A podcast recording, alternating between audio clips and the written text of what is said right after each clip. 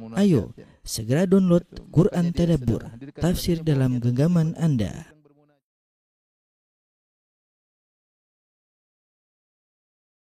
Bismillahirrahmanirrahim. Assalamualaikum warahmatullahi wabarakatuh. Alhamdulillahi ala ihsani wa syukru lahu ala taufiqihi wa amtinani. Asyhadu an la ilaha illallah wahdahu la syarika lahu ta'ziman li sya'nihi wa asyhadu anna Muhammadan abduhu wa rasuluhu da'ila ridwani. Allahumma salli alaihi wa ala alihi wa ashabihi wa ikhwani. Uh, kawan-kawan rekan-rekan di ITB yang dirahmati Allah Subhanahu wa taala. Pada kesempatan kali ini kita akan bahas uh, tradisi yang banyak dilakukan oleh saudara-saudara kita, masyarakat kita yaitu tentang ngalap barokah. Mencari keberkahan. Karena namanya kata keberkahan adalah kata yang menarik ya. Siapa yang tidak ingin mendapatkan keberkahan? Semua orang ingin mendapatkan uh, keberkahan ya. Uh, namun di sana ada praktek-praktek keberkah, mencari berkah atau ngalap berkah yang tidak sesuai dengan syariat ya. Seperti kita dapati sebagian kaum muslimin yang bersafar jauh ke kuburan-kuburan tertentu untuk mencari keberkahan di kuburan-kuburan tersebut. Atau bersafar jauh menuju ke suatu lokasi-lokasi entah gua tertentu entah uh, sungai tertentu dalam rangka mencari keberkahan di tempat-tempat tersebut. Yang itu semua tidak ada dalilnya dari uh, syariat ya. Dan itu adalah hukumnya adalah syirik kecil asalnya dan kalau dibarengi dengan akidah yang keliru bisa berubah menjadi syirik besar ya tapi hukum asalnya adalah syirik kecil. Demikian juga sebagian uh, kaum muslimin seperti kita lihat di Masjid Nabawi yang berebut-rebutan untuk mengusap-ngusap pintu-pintu Masjid Nabawi ya dengan kainnya, dengan tangannya, dengan pipinya ya. Atau dengan sebagaimana kita lihat uh, di tanah air kita juga ada sebagian kaum muslimin yang berebut-rebutan untuk mencari keberkahan dari seekor sapi. Ada sapi namanya Kiai Slamet ya yang kalau dia keluar entah setahun sekali entah berapa kali dalam setahun maka orang-orang berebutan mencari keberkahannya. Bahkan sebagian mereka mengambil keberkahan dari kotorannya. Ini adalah hal-hal yang menyedihkan yang dilakukan oleh sebagian kaum muslimin. Dan ini adalah bentuk-bentuk uh, ngalap berkah yang dilarang dalam syariat maka pada kesempatan kali ini kita perlu mengenal apa sih hakikat dari ngalap berkah ngalap berkah bagaimana yang dibolehkan dan ngalap berkah bagaimana yang dilarang ya. Tapi perhatikan uh, bersama saya.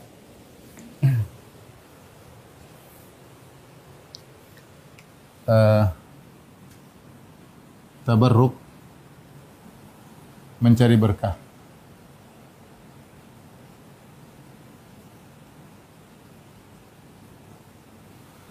Atabarruk. Atabarruk diambil dari kata al-barakah. Al-barakah uh, dan al barakah uh, secara bahasa ya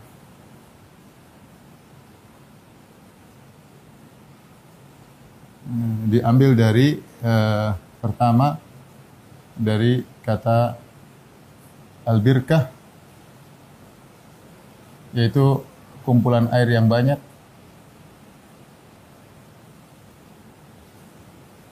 yang banyak semacam semacam danau ya. Ya namanya al birkah kemudian uh, diambil juga dari uh, uh, burukul ibil.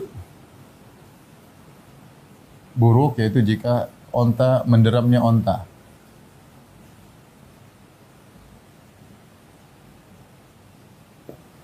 Uh, oleh karenanya uh, ini secara bahasa jadi al barakah adalah diambil dari birkah dari kumpulan air yang banyak ya. Kemudian dari buruk ke ibil menderamnya onta sehingga secara istilah secara istilah atabarruk artinya mencari kebaikan keberkahan atau kebaikan ya yang uh, lebih banyak dan lebih langgeng. Ya. Karena onta ketika dia menderam, dia menetap ya, menetap. Ini uh, secara bahasa mencari keberkahan atau kebaikan yang lebih banyak dan lebih lebih uh, langgeng. Tapi uh, ini secara uh, bahasan secara istilah. Beberapa kaidah-kaidah penting dalam uh, dalam masalah barakah ya. Kaidah-kaidah penting.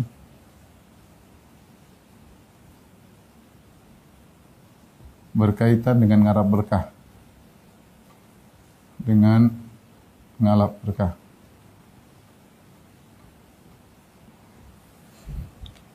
Yang pertama, ikhwan dan akhwat rahmatillah subhanahu wa ta'ala bahwasanya uh, wahibul Allah adalah wahibul barakah. Allah adalah wahibul barakah. Allah adalah penganugerah barakah.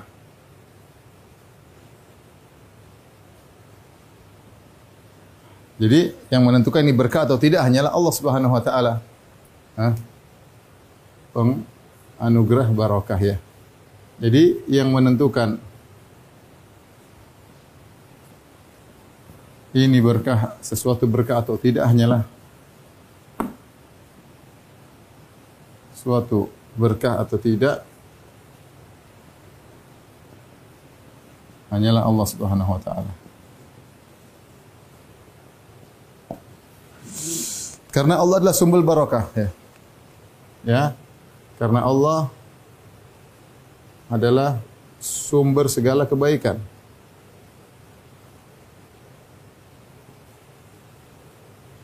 Kata Allah Subhanahu wa taala dalam Al-Qur'an, "Biyadikal khair." Biyadikal khair. Hanya di tanganmu lah segala kebaikan. Kalau bahasa Indonesia artinya hanya di tanganmu lah mula segala kebaikan. Bukankah ketika kita mencari keberkahan kita sedang mencari kebaikan? Ya, kebaikan di mana? Di tangan Allah Subhanahu wa taala. Ya, karenanya Allah disifati dengan karenanya Allah disifati dengan tabarak. Dengan tabarak. Tabaraka. Dalam banyak ayat seperti firman Allah Subhanahu wa taala Tabarakalladzi biyadihil mulku. Tabarak. Maha berkah Allah, maha kebaikan, maha peng, penganugerah kebaikan, maha sumber kebaikan dan segalanya adalah kebaikan. Seperti juga firman Allah Subhanahu wa taala Tabarakalladzi nazzala al-furqan ala abdihi liyakuna lil alamin nadhira. Maha suci Allah atau maha berkah Allah yang telah menurunkan Al-Qur'an kepada hambanya ya. Fatabarakallahu ahsanul khaliqin. Banyak dalam Al-Qur'an. Fatabarakallah ahsanul. Ya. Dan Allah disifati dengan tabarak, tabarak, tabarak agar kita tahu bahwasanya yang sumber keberkahan, yang menentukan keberkahan hanyalah Allah semata. Ini poin pertama yang harus uh, kita pahami ya. Yang kedua, ikhwan dan akhwat yang dirahmati Allah Subhanahu wa taala. Uh, Allah Subhanahu wa taala menganugerahkan atau menurunkan keberkahan kepada sebagian makhluknya.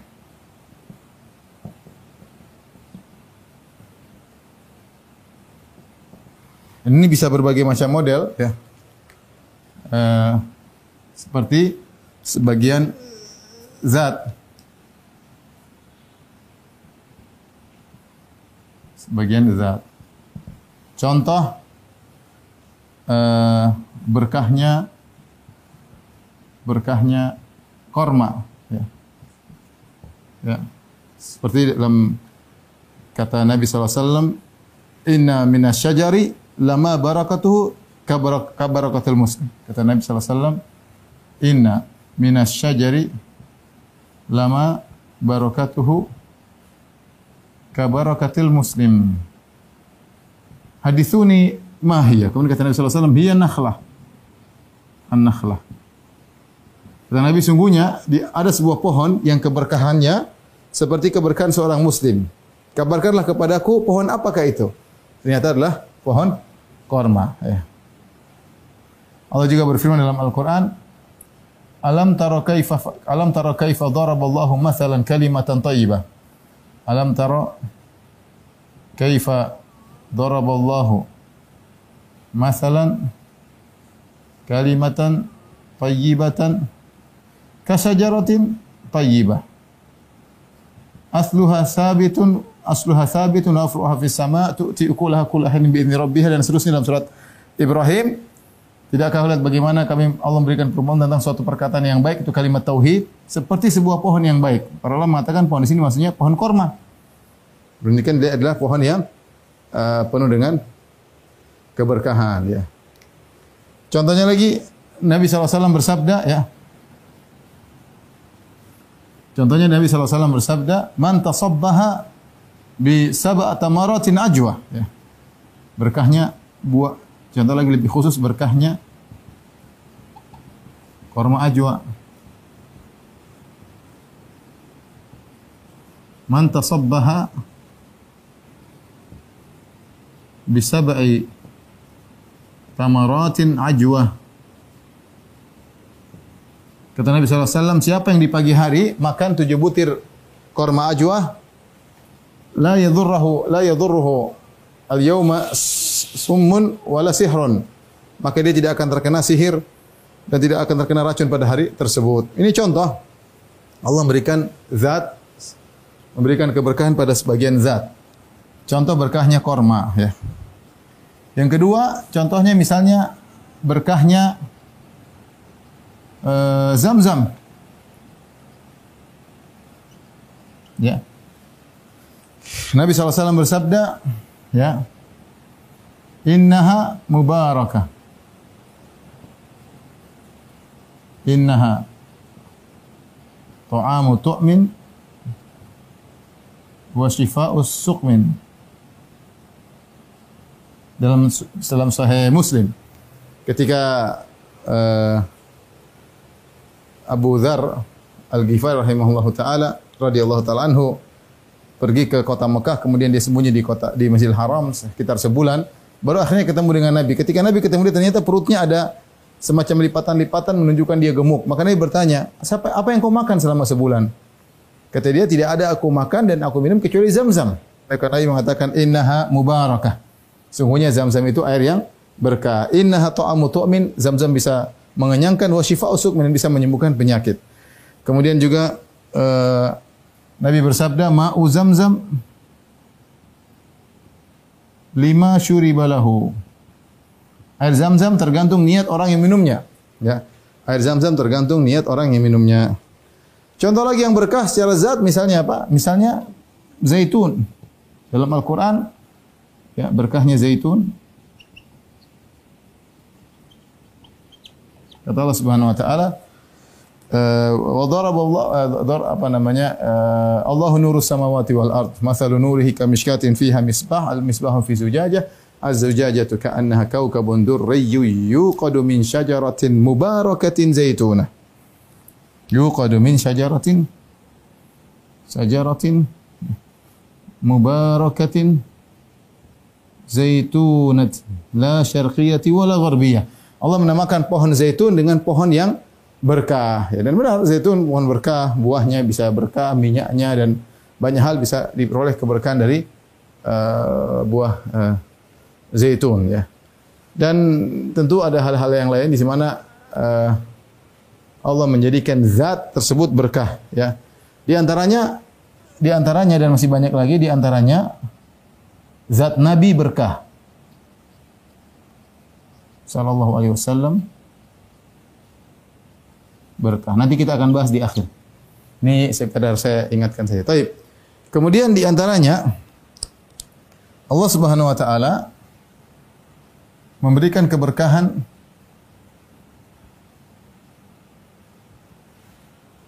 pada sebagian tempat.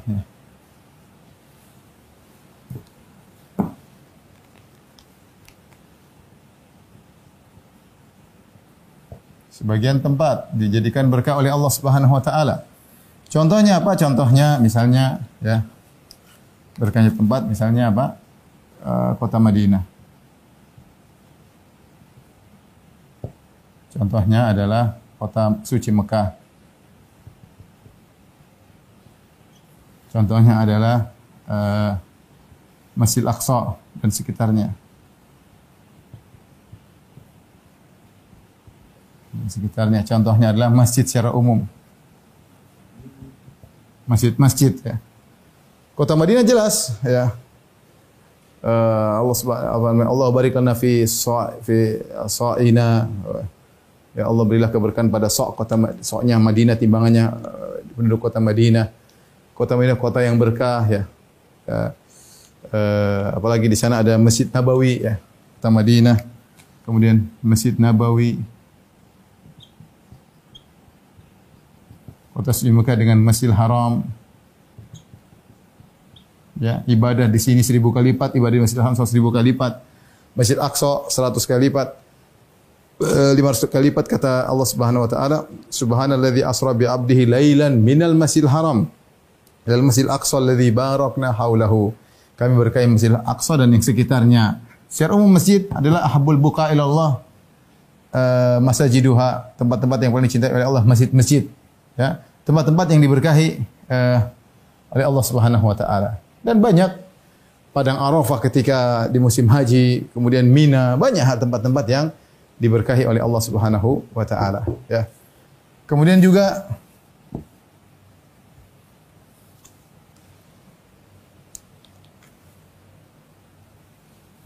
Allah memberkahi sebagian waktu.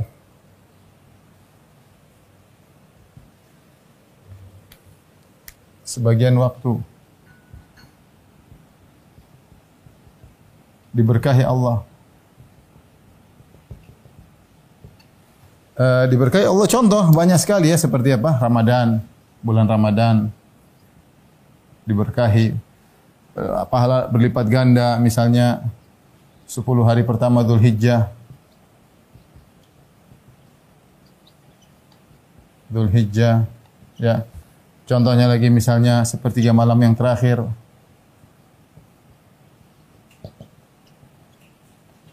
Ini adalah waktu-waktu yang uh, berkah. Misalnya lagi, uh, misalnya pada asar setelah Jumat,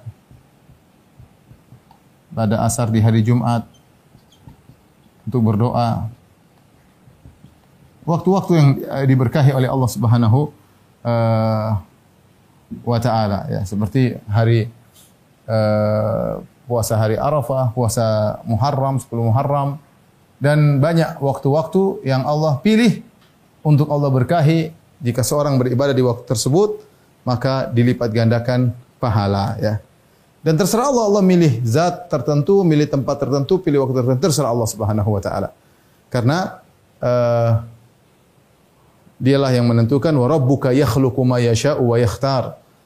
Maka lahumul khiyarah dan dialah Allah yang menciptakan apa yang Allah kehendaki dan Allah memilih siapa yang Allah kehendaki. Allah menciptakan yang Allah kehendaki, Allah milih siapa yang Allah kehendaki terserah. Ya.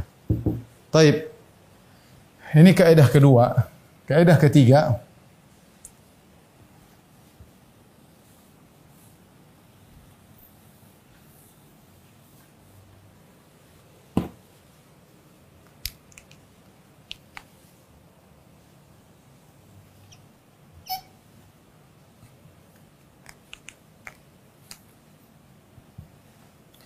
keberkahan. Keberkahan.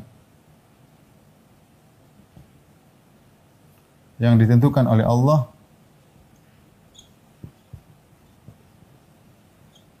Ada uh, tiga kemungkinan. Pertama, kebaik uh, keberkahan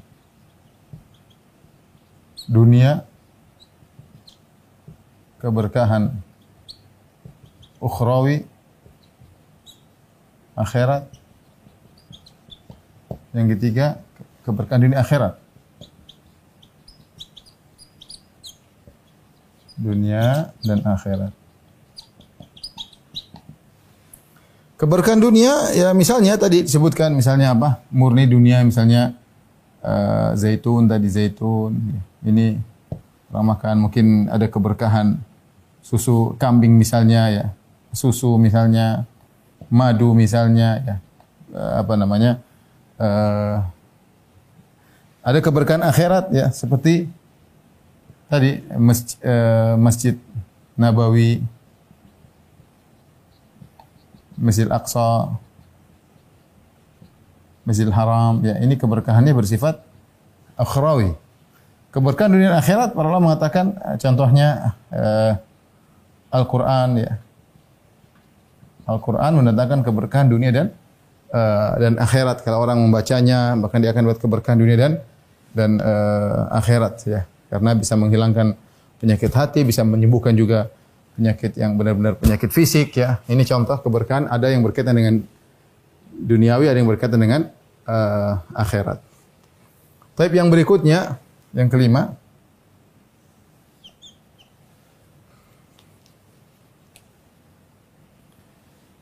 Cara mencari keberkahan harus sesuai dengan syariat.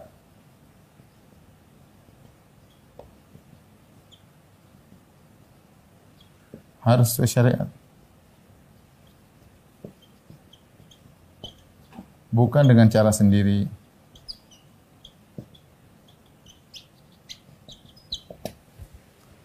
Contoh,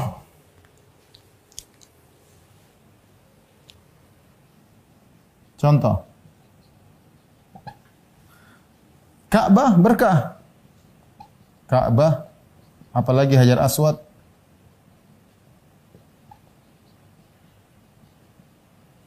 berkah. Jelas berkah. Tapi cara bagaimana cara mencari keberkahan Ka'bah? Apakah dengan mengusap-ngusap kemudian tempelkan ke baju usapannya ya? Jawabannya tidak, yaitu dengan kita tawaf Ka'bah, kita buat keberkahan Ka'bah. Contohnya Hajar Aswad, caranya dengan kita mencium, ya. Atau kita mengusap karena mencontohi Nabi Shallallahu Alaihi Wasallam, bukan ada strom yang mengalir ke kita, bukan ada keberkahan yang kita ambil tempelkan ke tubuh, tidak. Ya. Makanya Umar bin Khattab ketika mencium Hajar Aswad dia mengatakan, ketika dia mencium Hajar Aswad dia mengatakan, ini a'lamu annaka hajar, la tanfa wa la tadur. Laula anni ra'aitu Rasulullah SAW yuqabbiluka ma qabaltuka. Wahai Hajar Aswad, saya tahu kamu hanyalah sekedar batu, tidak bisa tidak bisa beri mudarat. Engkau hanya sekedar batu, tidak bisa beri manfaat, tidak bisa beri mudarat. Kalau bukan saya pernah lihat Nabi cium kamu, saya tidak bakalan cium cium kamu. Menunjukkan meskipun Ka'bah adalah berkah, tapi cara mencari keberkahannya sesuai dengan yang diajarkan. Bukan misalnya kiswahnya diguntingi diambil ya. Bukan misalnya seperti sebagian orang sorbannya diusap-usapkan di Ka'bah. Saya lihat sendiri orang-orang yang tidak ngerti, uh, jahil ya. Ya. Ini tentunya tidak tidak benar. Bukan begitu cara mencari keberkahan dari Ka'bah. Contohnya lagi uh, misalnya makom Ibrahim.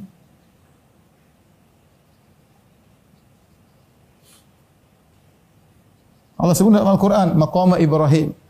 Ayatun bayinat, uh, maqam Ibrahim ya. Di antara suatu yang berkah yang Allah sebutkan maqam Ibrahim. Tetapi bagaimana cara mencari keberkahan dari makom Ibrahim, tempat berdirinya Ibrahim? Uh, Wattakhidhu min maqami Ibrahim min maqami Ibrahim musalla kata Allah jadikanlah dari makam Ibrahim sebagai tempat solat. Makanya setelah tawaf seorang solat di belakang makam Ibrahim. Caranya demikian bukan dengan mengusap-ngusapkan tubuh di makam Ibrahim. Ini contoh salah mencari keberkahan. Ya. Salah mencari keberkahan bukan dengan mengusap-ngusapkan uh, tubuh pipi tangan di makam Ibrahim, sorban di makam Ibrahim, kain ihram di makam Ibrahim sebagian dilakukan oleh sebagian orang atau mencium-cium makam Ibrahim tidak pernah dicontohkan oleh para sahabat. Contohnya jelas Allah perintahkan jelas wattakhidhu min maqam Ibrahim shalah. Jadikanlah di belakang makam Ibrahim sebagai tempat salat, bukan untuk diusap-usap. Ini contoh keberkahan tapi bukan begitu cara mencari uh, keberkahan. Ya. Contoh misalnya uh, ziarah kuburan Nabi SAW. Ya. Tentu berkah. Ya. Ziarah kubur kuburan Nabi SAW. Kita disuruh ziarah karena di situ berpahala. Kita ziarah ke kuburan kuburan berpahala, kita mengingat kematian, eh, kita bisa mendoakan yang kita ziarahi. Tetapi sebagian orang ketika ziarah ke kuburan Nabi atau ke kuburan wali-wali, mereka cari keberkahan. Bukan dengan ziarahnya, tapi ke, ke, keberkahannya dengan mengusap-ngusap mereka di nisannya, di dan itu diingat oleh Imam Nawawi rahimahullah taala. Imam Nawawi mengatakan jangan ikuti orang-orang jahil yang mereka mengusapkan tubuh-tubuh mereka di kuburan-kuburan. Bahkan uh, Al-Ghazali dalam kitabnya Ihya Ulumuddin mengatakan ini adalah kebiasaan Yahudi dan Nasara mengagungkan kuburan dengan mengusap-mengusapkan tubuh di uh, kuburan. Kemudian Imam Nawawi mengatakan jangan ikuti kebiasaan orang jahil. Kemudian dia berkata wa alaika bi tariqil huda wala tas wala tastauhish uh, tastauhishuka qillatu salikin wa iyyakum wa turuqad dhalalah ya wala yaghurrannaka taghurrannaka kasratul halikin. Kata uh, Fudail bin Iyad, ikutilah jalan kebenaran. Jangan kau merasa sendiri atau kesepian dengan sedikitnya yang mengikutinya. Waspadalah engkau dari jalan-jalan kesesatan. Jangan kau terpedaya dengan banyak orang yang mengikuti jalan-jalan tersebut. Patokan bukan banyak dan sedikit kata uh, Fudail bin Iyad dan dinukil oleh Nawawi rahimahullah taala tapi patokan adalah mengikuti sunnah. Meskipun yang mengikuti menjalankan cuma sedikit ya. Karena kalau kita lihat orang yang usap-usap kuburan Nabi banyak, kalau dibuka orang akan datang rombong-rombongan. Usap-usap akan mungkin macam-macam tapi ya, alhamdulillah dijaga sekarang di Masjid Nabawi. Kalau dibuka kesempatan lihat apa yang dilakukan oleh orang-orang jahil. Kata Nawawi rahimahullah taala, jangan terpedaya dengan kebiasaan orang-orang uh, jahil ya. Ini ikhwan akhwat yang subhanahu wa taala beberapa perkara penting uh, yang perlu kita ketahui ya. Saya ulangi bahwasanya Allah adalah penentu keberkahan. Dialah wahibul barakah ini menentukan keberkahan atau tidak. Tidak boleh kita menentukan sendiri. Oh ini berkah begini enggak? Kalau enggak dalilnya enggak boleh. Kemudian Allah menurunkan keberkahan pada sebagian makhluknya, ada sebagian zat, sebagian tempat, sebagian waktu. Kemudian keberkahan ditentukan Allah ada tiga kemungkinan keberkahan duniawi, keberkahan akhirat, keberkahan dunia akhirat.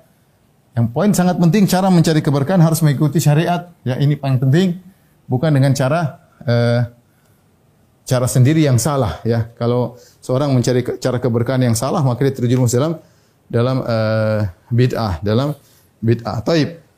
Habis ini saya ingin bahas tentang ini keberkahan zat Nabi sallallahu alaihi wasallam ya.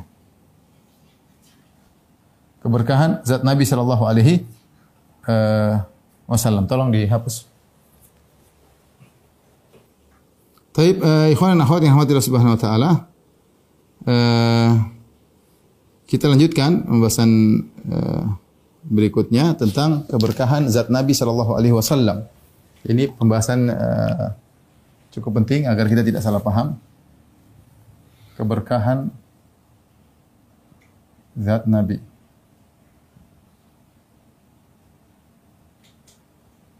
Sallallahu alaihi wasallam ya. E, dalilnya banyak.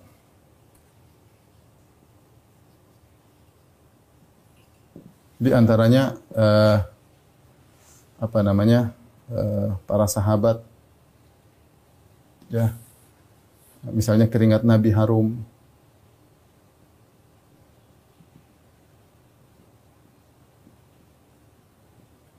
Ya, misalnya ya. Kemudian uh, Nabi Shallallahu Alaihi Wasallam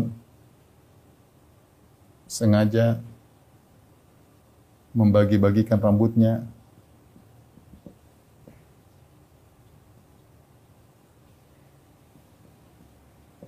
ya kemudian uh, sebagian sahabat sengaja ya uh, menyimpan keringat Nabi atau mengumpulkan keringat Nabi.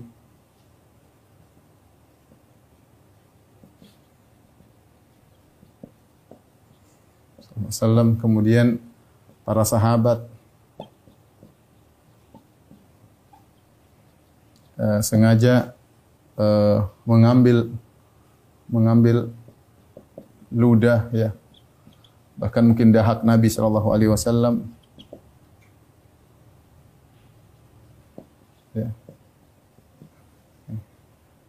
Allah bikin menjadi harum ya. Keringat yang harusnya bau menjadi harum.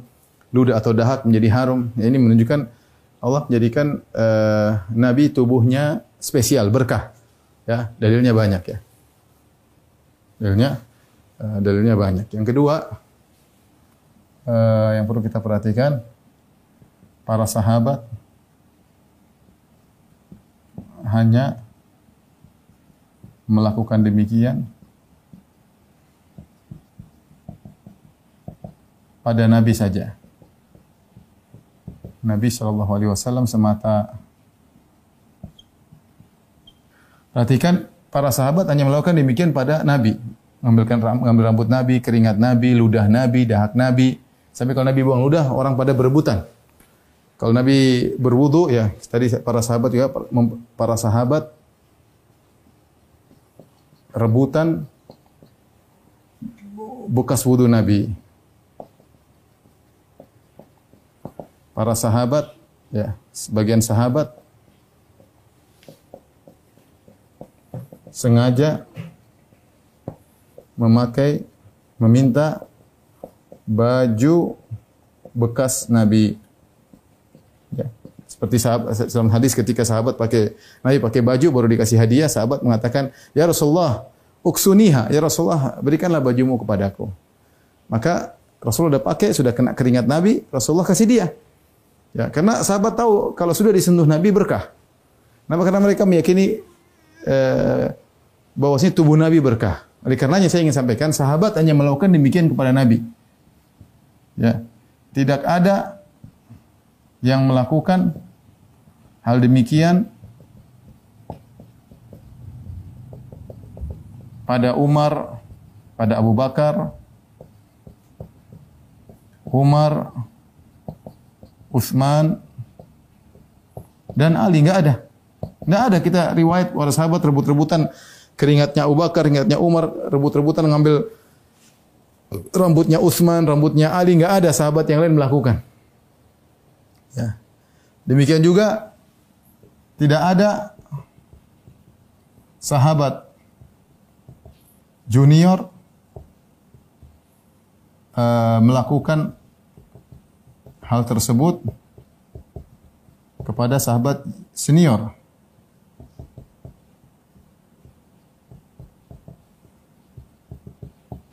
Tidak ada. Demikian juga tidak ada tabi'in yang melakukan demikian kepada sahabat junior. Pada para sahabat. Enggak ada. Sehingga dari sini kita tahu kesimpulannya kesimpulannya para sahabat memahami kesimpulan para sahabat memahami bahwa yang dicari keberkahan zat seseorang hanyalah Nabi.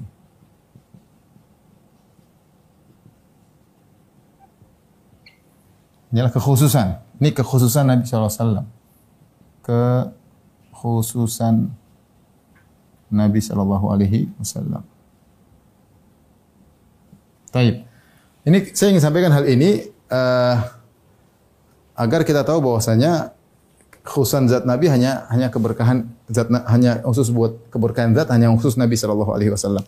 Oleh karenanya Aisyah radhiyallahu taala anha ketika merukyah Nabi dia mengusapkan dengan tangan Nabi karena mengharapkan keberkahan tangan Nabi ya. Aisyah radhiyallahu anha ketika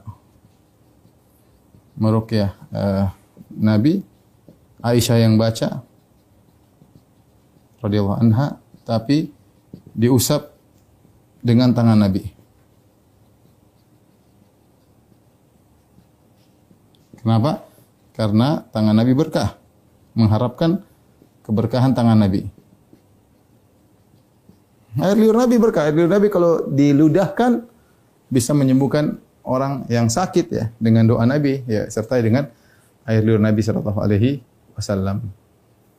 Taib. Dari sini kita tahu bahwasanya tidak pas ya.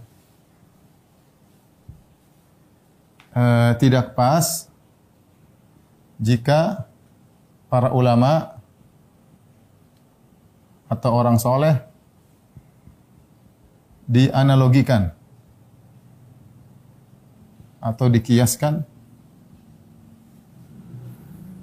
dengan Nabi Shallallahu Alaihi Wasallam dari sisi keberkahan zat.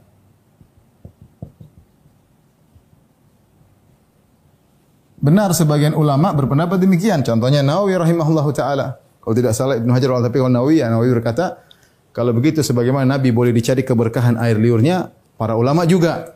Karena para ulama adalah pewaris para nabi misalnya. Mereka berdalil dengan kias. Eh, berdalil dengan kias. Maka kita coba kritik masalah ini. Eh, kritikan terhadap dalilan kias.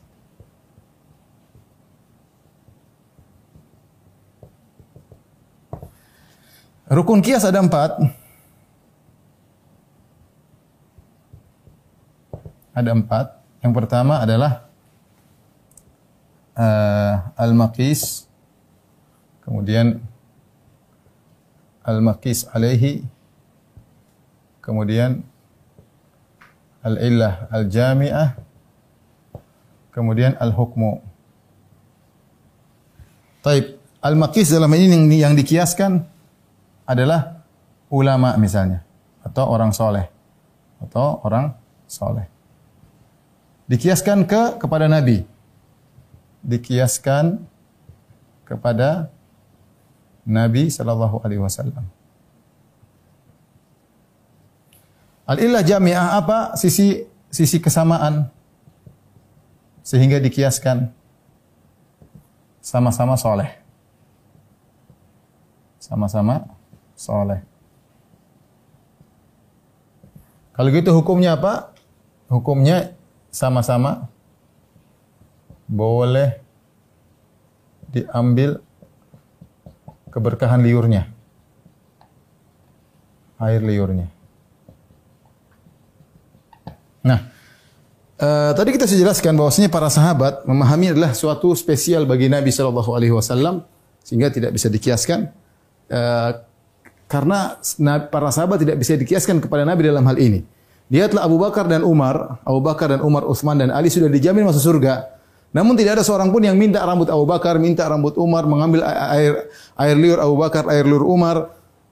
Tidak ada. Sehingga mereka tidak mengkiaskan para sahabat yang dijamin surga dengan Nabi Shallallahu Alaihi Wasallam. Makanya kalau kita bicara ulama dikiaskan dengan Nabi, kita tanya sekarang masalahnya. Ini masalah di sini. Al ilah jami. Apa sisi kesamaan? Ya, sisi kesamaan. Ada dua kemungkinan sisi kesamaan. Ya. Ya. Bisa jadi adalah tingkat kesolehan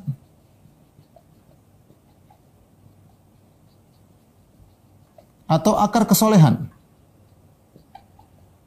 Apa maksudnya Anda sama-sama soleh?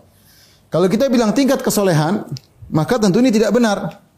Kalau dibilang tingkat kesolehan, maka ini tentu tidak tidak benar.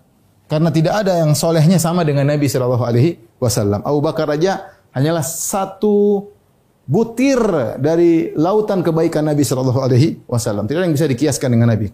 Anda mau mengkiaskan ulama dengan Nabi atas dasar kesamaan apa? Bilang sama-sama soleh, taib. Sama-sama soleh, soleh yang mananya? Apakah tingkat kesolehannya? Tentu jauh berbeda. Ataukah akar kesolehan?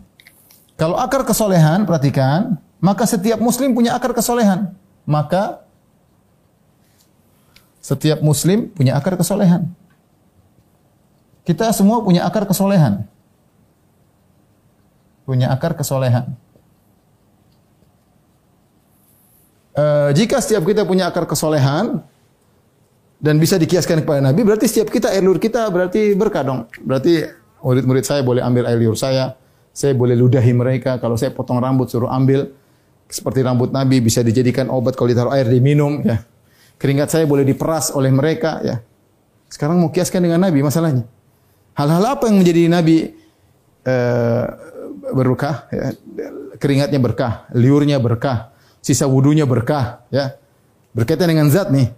Baju bekasnya berkah. Nah kalau begitu kita semua punya akar kesolehan. Antum lah antum. Mungkin ustadz di atau guru di TK atau SD, guru TPA kan orang soleh guru TPA ngajar anak-anak baca Quran. Ya sudah kalau gitu bekas bajunya diambil jadi keberkahan. Air liurnya diambil ya. Apakah yang berpendapat demikian? Tentunya tidak ada. Makanya kita bilang apa yang mau disamakan soleh? Soleh yang bagaimana maksudnya? Soleh tengah-tengah? Apa barometernya soleh bagaimana yang bisa untuk dikiaskan kepada Nabi? Apakah tingkat kesolehan itu tidak mustahil? Atau ke akar kesolehan? Kalau akar kesolehan semua orang punya soleh. Dari sini saya katakan pendapat yang yang lebih kuat ya bahwasanya tidak boleh mengkiaskan seorang pun kepada Nabi dalam hal masalah keberkahan zat karena para sahabat tidak ada yang mengambil keberkahan dari sahabat-sahabat yang lain enggak ada. Tabi'in tidak ada yang mengambil keberkahan dari zat-zat para sahabat enggak ada. Enggak ada. Kalau kalau boleh dikiaskan kepada Nabi maka Abu Bakar, Umar, Utsman, Ali lebih utama dikiaskan kepada Nabi dan mereka sudah dijamin masuk surga. Eh, sementara orang-orang ulama sekarang nggak tahu nasib mereka bagaimana, kita nggak tahu nasib kita bagaimana. Apalagi sebagian ulama misalnya ngawur, sebagian ulama ternyata kacau misalnya ngaco. Ya, kita nggak tahu meninggalnya bagaimana. Oleh karenanya pendapat yang lebih kuat untuk masalah keberkahan zat khusus kepada Nabi Shallallahu Alaihi eh, Wasallam. Taib. Ikhwan akhwat yang Subhanahu wa taala uh, bab yang kita bahas adalah bab ke-8 dari kitab tauhid bab man tabarraka bi syajaratin aw hajarin wa nahwihima bab tentang orang mencari keberkahan dari pohon dari batu dan yang semisalnya. Syekh Muhammad Wahab rahimahullah membawakan ayat afara'aitumul lata wal uzza wa manata tsalitsatal ukhra. Tidakkah uh, maka patutkah kalian wahai orang musyrik menganggap Lata dan Uzza dan Manat yang ketiga ya? Itu mereka uh, apa beribadah kepada Lata, Manat dan Al Uzza dan itu adalah benda-benda yang dijadikan uh, Tuhan dicari keberkahannya ya seperti Lata ya Al Uzza dan Al Manat ya. Uh, tentunya tidak diperbolehkan. Kalau seorang mencari keberkahan sampai pada bentuk peribadatan maka dia terjerumus dalam syirik akbar. Saya ulangi mencari keberkahan yang tidak pada tempatnya pada asalnya hukumnya syirik kecil. Tetapi kalau disertai dengan uh, peribadatan maka menjadilah syirik syirik akbar ya. Demikian juga uh, dalam satu hadis ya dari Waqid Abu Waqid Al-Laitsi dia mengatakan uh, suatu hari kami keluar bersama Nabi sallallahu alaihi wasallam uh, ila Hunain. Kharajna ma'an Nabi sallallahu alaihi wasallam ila Hunain yaitu kami pergi berjihad bersama Nabi untuk melakukan perang Hunain. Wa nahnu hudatsa'u ahdin bi kufrin dan kami baru saja masuk Islam baru saja meninggalkan kufuran. Ya. Uh, walil musyrikina uh, sidratun ya. Yakufuna indaha wa yanutuna aslihatahum. Ternyata kami melatih orang musyrikin, orang musyrikin punya pohon, pohon sidr yang mereka berukuf di situ, nongkrong di situ, cari keberkahan dan mereka menggantungkan pohon-pohon mereka di pohon menggantungkan pedang-pedang mereka, senjata mereka, panah mereka di pohon tersebut agar panah mereka menjadi berkah, senjata pedang mereka jadi berkah. Maka uh, Nabi Sidrah kami melewati pohon bidar tersebut maka sebagian kami berkata ya Rasulullah ij'alana dzata anwatin kamalahum dzatu anwat Ya Rasulullah kami juga ingin punya pohon seperti itu seperti pohon mereka pohon yang bisa kami gantungkan pedang kami busur kami panah kami sehingga menjadi berkah menjadi kuat kalau berperang kami ingin seperti mereka punya maka karena kenapa mereka ini karena sebagian sahabat baru saja masuk Islam. Dia enggak ngerti itu enggak boleh. Maka Nabi SAW mengatakan Allahu Akbar inna hasunan. Kultum walladhi nafsi biyadihi kama qalat banu Israel li Musa ij'alana ilahan kama lahum alihah. Qala innakum qaumun tajhalun tarkabunna sanana man kana qablakum. Kata kata Nabi kaget dengan permintaan sebagian sahabat. Allahu Akbar. Allah Maha besar. Ini adalah cara-caranya uh, orang-orang musyrikin terdahulu, Yahudi Nasara Ya. Kultum apa yang kalian katakan? Demi Allah apa yang kalian katakan? Kama qalat Bani Israel seperti perkataan Bani Israel kepada Nabi Musa, wahai Musa, ij'al lana ilahan, jadikanlah kami sembahan kama lahum aliha, sebagaimana mereka punya sembahan. Ya. Wa jawazna bi Bani Israel bahra. Ya. Wa ta'ala qaumin yaqufun eh, ala eh, qaumin yaqufuna ala asnamin lahum. Qalu ya Musa ij'al lana ilahan kama lahum aliha. Qala innakum qaumun tajhalun. Jadi Nabi Musa ketika melewati bersama kaumnya melewati Laut Merah, Nabi Musa melewati suatu kaum musyrikin yang sedang ber, beriktikaf yaitu berukuf berdiam di berhala-berhala. Ya.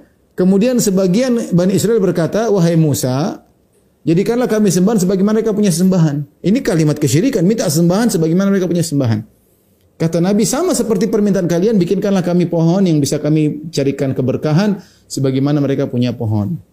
Ideal bahwasanya menjadikan pohon e, keramat, kemudian berkah, kalau taruh sesuatu seperti sebagian orang saya, saya di, di apa namanya? sebutkan sebagian orang jualan tasbih.